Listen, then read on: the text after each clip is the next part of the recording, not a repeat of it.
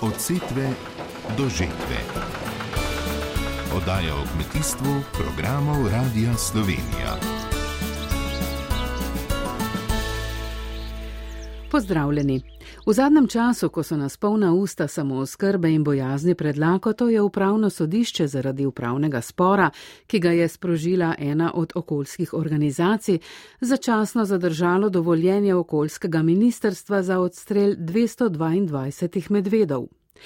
Na kmetijsko-gozdarski zbornici so zaradi tega zgroženi in opozarjajo, da je neupravljanje z velikimi zvermi, ki v dobršnem delu države otežujejo pogoje za kmetovanje, strelu koleno za boljšo samooskrbo. Na težave, pa ne le zaradi zveri, temveč tudi zaradi divjadi, opozarjajo tudi mladi primorsko-notranski kmetje. Predsednik kmetijsko-gozdarske zbornice Roman Žveglič. Zdaj, ali bomo na podeželju pridelovali hrano ne, za ljudi, ali bomo imeli uh, zverinjak. Kajti ob uh, krizi, ob ruski invaziji na Ukrajino se je pokazala vsa ta šibkost uh, globalnega trgovanja tudi s hrano ne? in kmetje, seveda si moramo pridelati hrano v Sloveniji. Vsako okolje ima neko zgornjo mejo. Tako kot ima kmetija zgornjo mejo, koliko živali lahko imaš, tako ima tudi Slovenija zgornjo mejo, koliko ima lahko divjadi in koliko ima lahko zveri. In vse to je preseženo. Mi imamo ugodno stanje divjadi, ugodno stanje zveri in povečevati to nima ne smisla, ne nobene koristi, ne za okolje, ne za kmete in ne za državo. Ob vsem tem se zastavlja vprašanje, ali uradniki na MOP-u ne znajo pripraviti uredbe, ali jo nočejo, ali je pa vsak ga nekaj. Naravovarstvene organizacije ne, pa naj poskušajo prideti enkrat na podeželje in pomagajo varovati kmetom lastnino pred eh, divjimi zvrmi, ne pa seveda gledati nekje vdaleč in govoriti, kako je fajn, da imamo eh, takšno stanje. Ne. Medveda imamo praktično po celi Sloveniji, ga imamo že na Kozjanskem, na Štajarskem, to več ni normalno, ker se širijo, ne, ker iščejo svoj prostor, ne? kmetje so pa seveda tukaj in podeželani pa prepuščeni samemu sebi. Ne? Situacija je nevzdržna. Drugo so pa seveda tudi divjad. Ker to, da ti na, vidiš tam na parih hektarjih, po sto košut, to, kar se na krasu dogaja z divjimi prašiči, šest tisoč hektarjev preuranih travnikov, ne? pa to bi mogel zazvoniti alarm predvsem in najprej pri teh uh, okoljevarstvenih organizacijah, To je nenormalno. Ne? Poglejte, na krasu so nive ograjene z žičnato ograjo, so vinogradi ograjeni z žičnato ograjo. Ne? To nima nobenega smisla več. Ne? Inovativnemu mlademu kmetu Gregorju Slavcu, prejemniku Evropske nagrade za obuditev kmetijskega gospodarstva v Knežaku, so volkovi pred kratkim pojedli pet kozličkov, sedaj pa z mlini na veter bije bitko za očkodnino. Kmetija je dobesedno obkrožena z zvermi in divjadjo, ki prihaja na dvorišče kar nam onemogoča nadaljni razvoj kmetijstva oziroma samo obdelavo površin, se pravi, oni prej obdelajo, kot jih uspemo mi obdelati. Kakšna je rešitev? Težko biti pameten, bom rekel, zato imamo poklicane strokovnjake, mi pa bomo rekli po neki zdravi kmečki pameti, pravimo, da treba zmanjšati populacijo pri samo skrbi, ki je zdaj res eh, ratala prvotnega pomena, čeprav ta samo skrba nas je malo povozila, bi mogli že predne tu dati velik podarek. Skratka, zveri, jelnjat, crnjat in samo skrba gre težko z roko v roki, vsaj v takem obsegu, ker se zdaj tu dogaja. Namreč to, kar mi predelamo, nam poje srnjat, jelnjat oziroma če gremo na živali, nam jih jejo krokari, volkovi, medvedi, skratka, težko je o neki samo skrbi se pogovarjati, če preden to pride iz nive na mizo, dejansko že nek umestni faktor to poje. Tako da za samo skrbo se bo treba bolj potruditi in dejansko najti neko skupno rešitev, da bomo tudi mi na konci siti, ne pa samo živali. Tudi te zveri, ne na zadnje, so se navadile, da pridejo noter v pašnik. Namreč, ko oni pridejo enkrat noter, kljub temu, da jih strese, je tu obložena miza za njih. Se pravi, ni potrebno, da lovi srno, pa je lenjat 2-3 km in potem še vprašanje, če bo sploh v plenu, ampak dejansko prijo v pašnik, kjer ve, da ga pač čakajo naše domače živali, katere so pa navajene, da grejo do ograje in tam se ustavijo. Se pravi, ni tega lova in je lažje v plen. Tako da dejansko tudi volk je prebrisana žival, bom rekel, oziroma ni neumna. Zdaj, kako pa se mi proti njemu zaprstaviti, je pa zelo težko, oziroma sej so obore, vse to, ampak to je vse dodatno delo za kmeta, katero je dnevno dodatno delo, to ni enkratno delo. In se pravi, spet vse prevalimo na kmeta. Tu na dolgi rok je težko, ker enostavno nisi zmožen. Dan ima samo 24 ur. Pritarjujemo Andrej Sedmak z Jurš, ki je tudi predsednik Društva rejcev drobnice Trojica. Vemo, da se je medved v zadnjih letih njihova populacija zelo povečala in se širi tudi zunaj. To pomeni, da prihaja v vasi, na obrobja, tukaj je problem tudi zaradi raznih pohodnikov in drugih ljudi. Zdaj, reči drobnice, nekih velikih problemov se z medvedji nimamo. No? Zaradi tega, ker vsi reci drobnice imamo večinoma zagrajene pašnike, se pravi s, s električnimi mislim, pastirji in tu je že dovolj, da medvede odganja. Če imamo pa še zraven še kakšne pastirske pse, je pa zaščita še toliko boljša. Prvo volku pa ta zaščita, kar se tiče samega pastirja, ne pomaga. Pomagajo pastirski psi, tako da mrzli kateri rejc potem tudi utrpi škodo se strani volka, pa tudi se strani šakala. No. Zadnja leta pa se soočamo tudi s, z velikim porastom jelenjadi, kar se odraža pač tudi v veliki pojedenosti na samih pašnikih, na samih travinjah.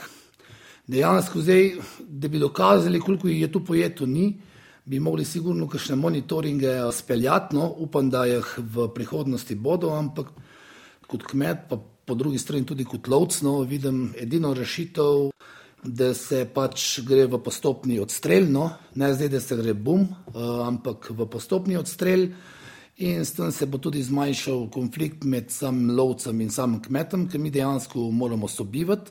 Moramo neko skupno držo imeti. Tukaj bi rad pa še podaril, da bi se mogla pa tudi recimo škodna problematika iz najmanjše inštance, se pravi, tu smo lovske družine, recimo, no, bi se mogle preseliti na kakšno višjo inštanco. No. Od setve do žetve. Oddaja o kmetijstvu programov Radia Slovenija.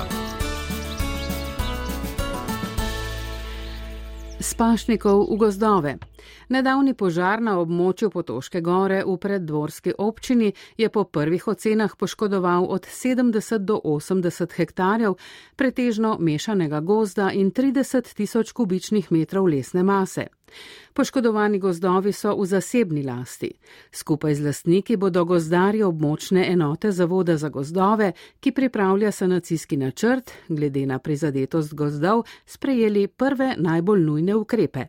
Prispevek Aljane Jocif. Revirni gozdar Zavoda za gozdove Tomaš Polajnar, ki je po požaru z lastniki vsakodnevno na prizadetem območju Potoške gore in Babe pripoveduje, da so območja že conirali. Prva cona najbolj obremenjena je tista, ki je rastično najbolj bogata in ima najvišji delež smreke. Druga cona je tam, kjer pričakujemo, da bomo le lokalno ukrepali, predvsem tam, ko so posamezni šopija skupine smreke, tretja cona, posebni ukrepi ne bojo potrebni. Del tega območja je že drugič prizadet. Pred leti ga je prizadel žledolom, zdaj požar.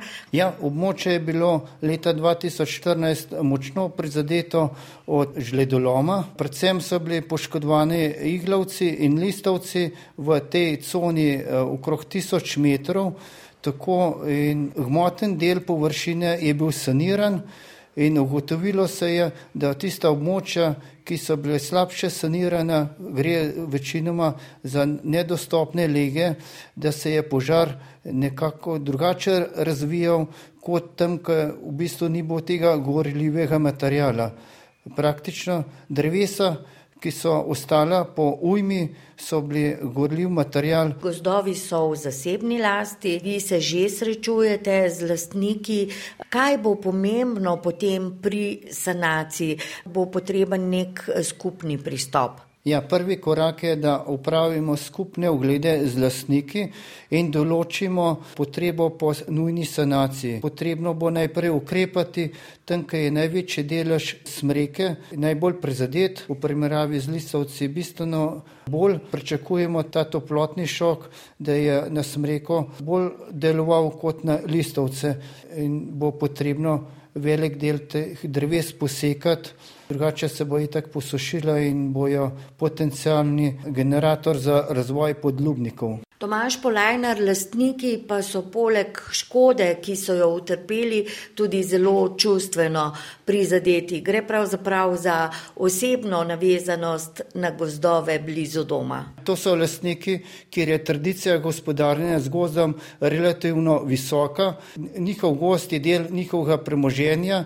in v bistvu s tem požarom je vrednost gozda padla. Med prizadetimi lastniki, teh je okoli 20, je tudi domačin Janez Polajnar iz Potoč, ki je hvaležen gasilcem in vsem drugim, ki so posredovali in gasili. Spoznanje o poškodovanem in ponekod povsem uničenem gozdu na območju Potoške gore pa boli. Gost je naša prioriteta. Z gozda se vzdržuje kmetija, ker ostalih dohodkov na kmetiji je malo. Mi smo hribovska kmetija in To je zelo velik udarc, tudi finančni. Pa smo ugotovili, da je v glavnem ta gost uničen, kar je uh, gorilo. Ne. Načrt sanacije bomo delali skupaj z Zavodom za gozdove. Smerika je v glavnem uničena, za buko bomo pa še videli, ali bomo posekali ali ne bomo. Sanacija je zelo zahtevna, ker je gost zelo v strmen delu, kamni del. Treba bo narediti kašno vlako.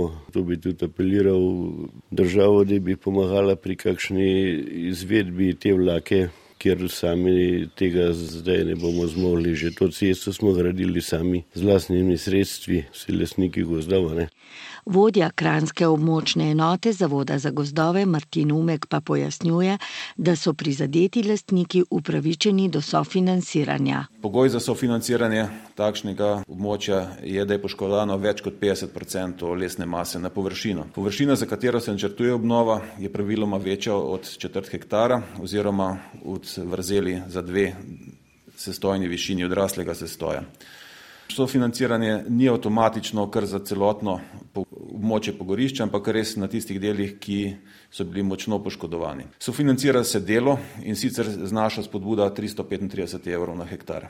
Tudi če je območje bilo res tako poškodovano, da je potrebna ta obnova, se praviloma sadi z sadikami, možna je tudi setev, ali pa seveda, kar je najboljše, naravna obnova. So financirane potem tudi zaščita tega drevja pred objedanjem divjadi, tako da se zaščiti ta mlad sestoj. Kdaj bi lahko nastopil čas za ponovno zasajanje, za obnovo teh prizadetih območij?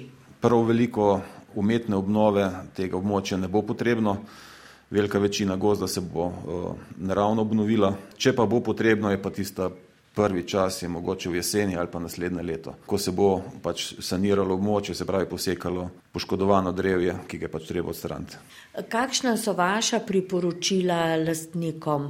Ti bodo zdaj prvi, ki bodo morali sprejeti odločitve, tudi ukrepe, seveda v sodelovanju s stroko in tudi revirnimi gozdarji, območno enoto Zavoda za gozdove. Najprej treba poskrbeti za varnost tistega, ki bo izvajal ta dela. Pobočje je nestabilno, še zmeraj se valijo eh, kamenje in eh, pa novi. Priporočamo lastnikom, ker gre za sorazmerno kar veliko količino lesa, da najamejo profesionalne izvajalce in da se predvsem dogovorijo za skupno izvedbo. In še priporočilo. Vodja območne enote Zavoda za gozdove v Kranju Martin Umek svetuje vsem pohodnikom na Potoško goro, naj se ne zadržujejo na območju pogorišča. Od setve do žetve. Z gozdov pa še v olčnike. Padavine, ki so tudi na primorskem osvežile izsušeno zemljo, so bile zelo dobrodošle. Težko so jih čakali tudi olkari, ki so pod olke raztresli gnojila in po nekaj slabih letinah zaradi ekstremnih vremenskih razmer upajo, da bo letos ta normalna. Podnebnih sprememb ne moremo več preprečiti, lahko pa se jim prilagodimo, menijo na Inštitutu za olkarstvo znanstveno-raziskovalnega središča Koper. Eden od izzivov je sušni stres, odgovor na nj pa je lahko namakanje. Tjaša Škamperle. Olka, sušne razmere in deficitno namakanje je naslov zbornika, v katerem so zbrani strokovni prispevki o možnostih namakanja olčnikov. Jakob Fantinič je sodelavec Inštituta za olkarstvo, ki vodi poskuse namakanja v osmih olčnikih na primorskem. In pogovor tako začne s praktičnim nasvetom. Torej, pri sami postavitvi namakalnega sistema prvo treba biti pozoren na vsa dovoljenja, ki je potrebno pridobiti, uh, torej sama birokracija, ker je treba prej poskrbeti, da je vse uh, regularno. Uh, na to potem se treba tudi lotiti najprej neke analize tav oziroma kemijsko tako strukturo kot teksturo, zato da se ve točno, kje se bi postavilo neke senzorje za merjenje vlage v tleh, ker vemo, da če so nekje, vla, če so nekje tla bolj odsedna ali pa se nekje uh, v tleh zadržuje voda, ni najbolj primerno za postavitev teh sond. Moramo dati neko, neko točko, kjer je reprezentativno samo za tisti uh, olčnik, da se postavite so, uh, senzorje za vlago tleh in potem na podlagi teh senzorjev se lahko uh, regulira isto namakanje. Ne? Torej, predpogoj je, da so ti olčniki vseeno v bližini nekega javnega vodovodnega sistema, da se lahko voda v olčnik pripelje. Ne? Tako, tako, ja. Zaželjeno je seveda, da je to čim bližje, ne? ker spet posegi za dobiti vodo do nekega zemljišča niso ravno poceni in enostavni. Ne? Tako da je sigurno lažje, če imamo nekje že v bližini to pripravljeno. Za kakšen poseg v olčnik gre? Kako globoko so mogoče te namakalne cevi, ta namakalni sistem in sonde postavljeni? Gre bolj za površinsko ali ukopano? Torej, v sklopu tega projekta smo na vseh teh lokacijah postavili podtalni namakalni sistem. Eh, cevi, torej namakalne linije skapljači so na globini približno 20 cm. Te kapljači na cevi so med seboj oddaljeni 60 cm in pa namakalna linija od drevesa pa je odmaknjena 1,2 metra približno. Ne. To gre seveda zdaj za neke okvirne zadeve, ker potem lahko pride do nekega odstopanja.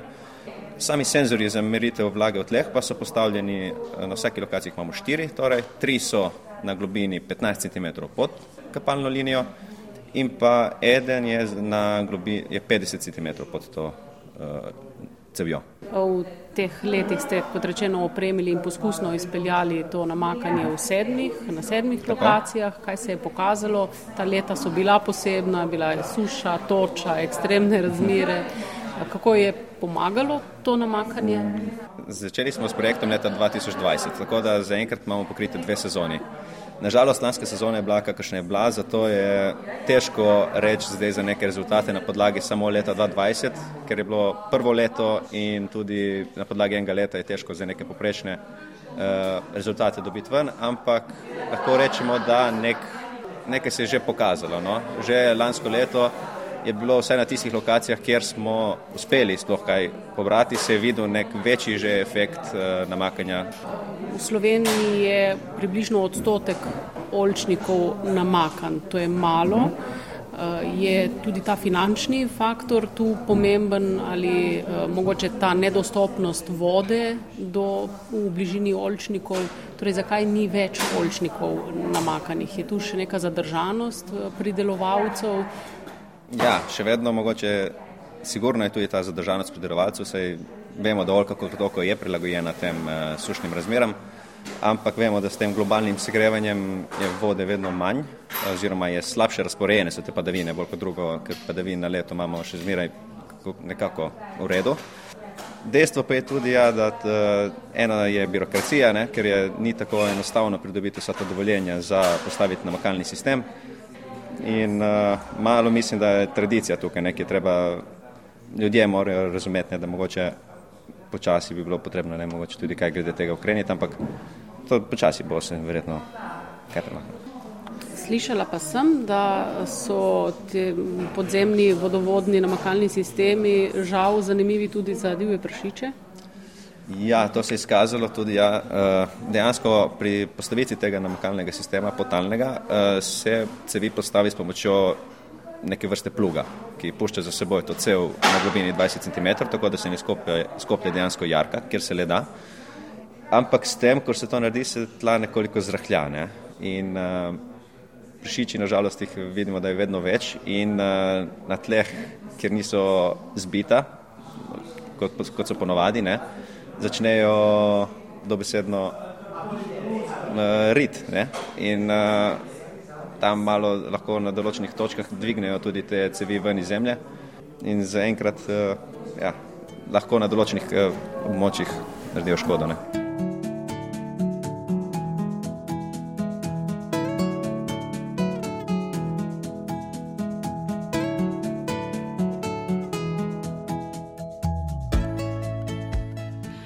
Današnjo oddajo se podpisujemo tonski mojster Vladimir Jovanovič in novinarke Aljana Joci, Tjaša Škamperle in Sabrina Mulec, ki sem oddajo tudi uredila in vodila. Pa lepo zdrav do naslednje nedelje, ko bomo ponovno skupaj.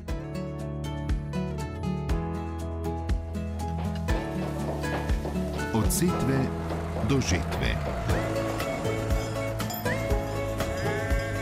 Oddaja o kmetijstvu programov Radia Slovenija.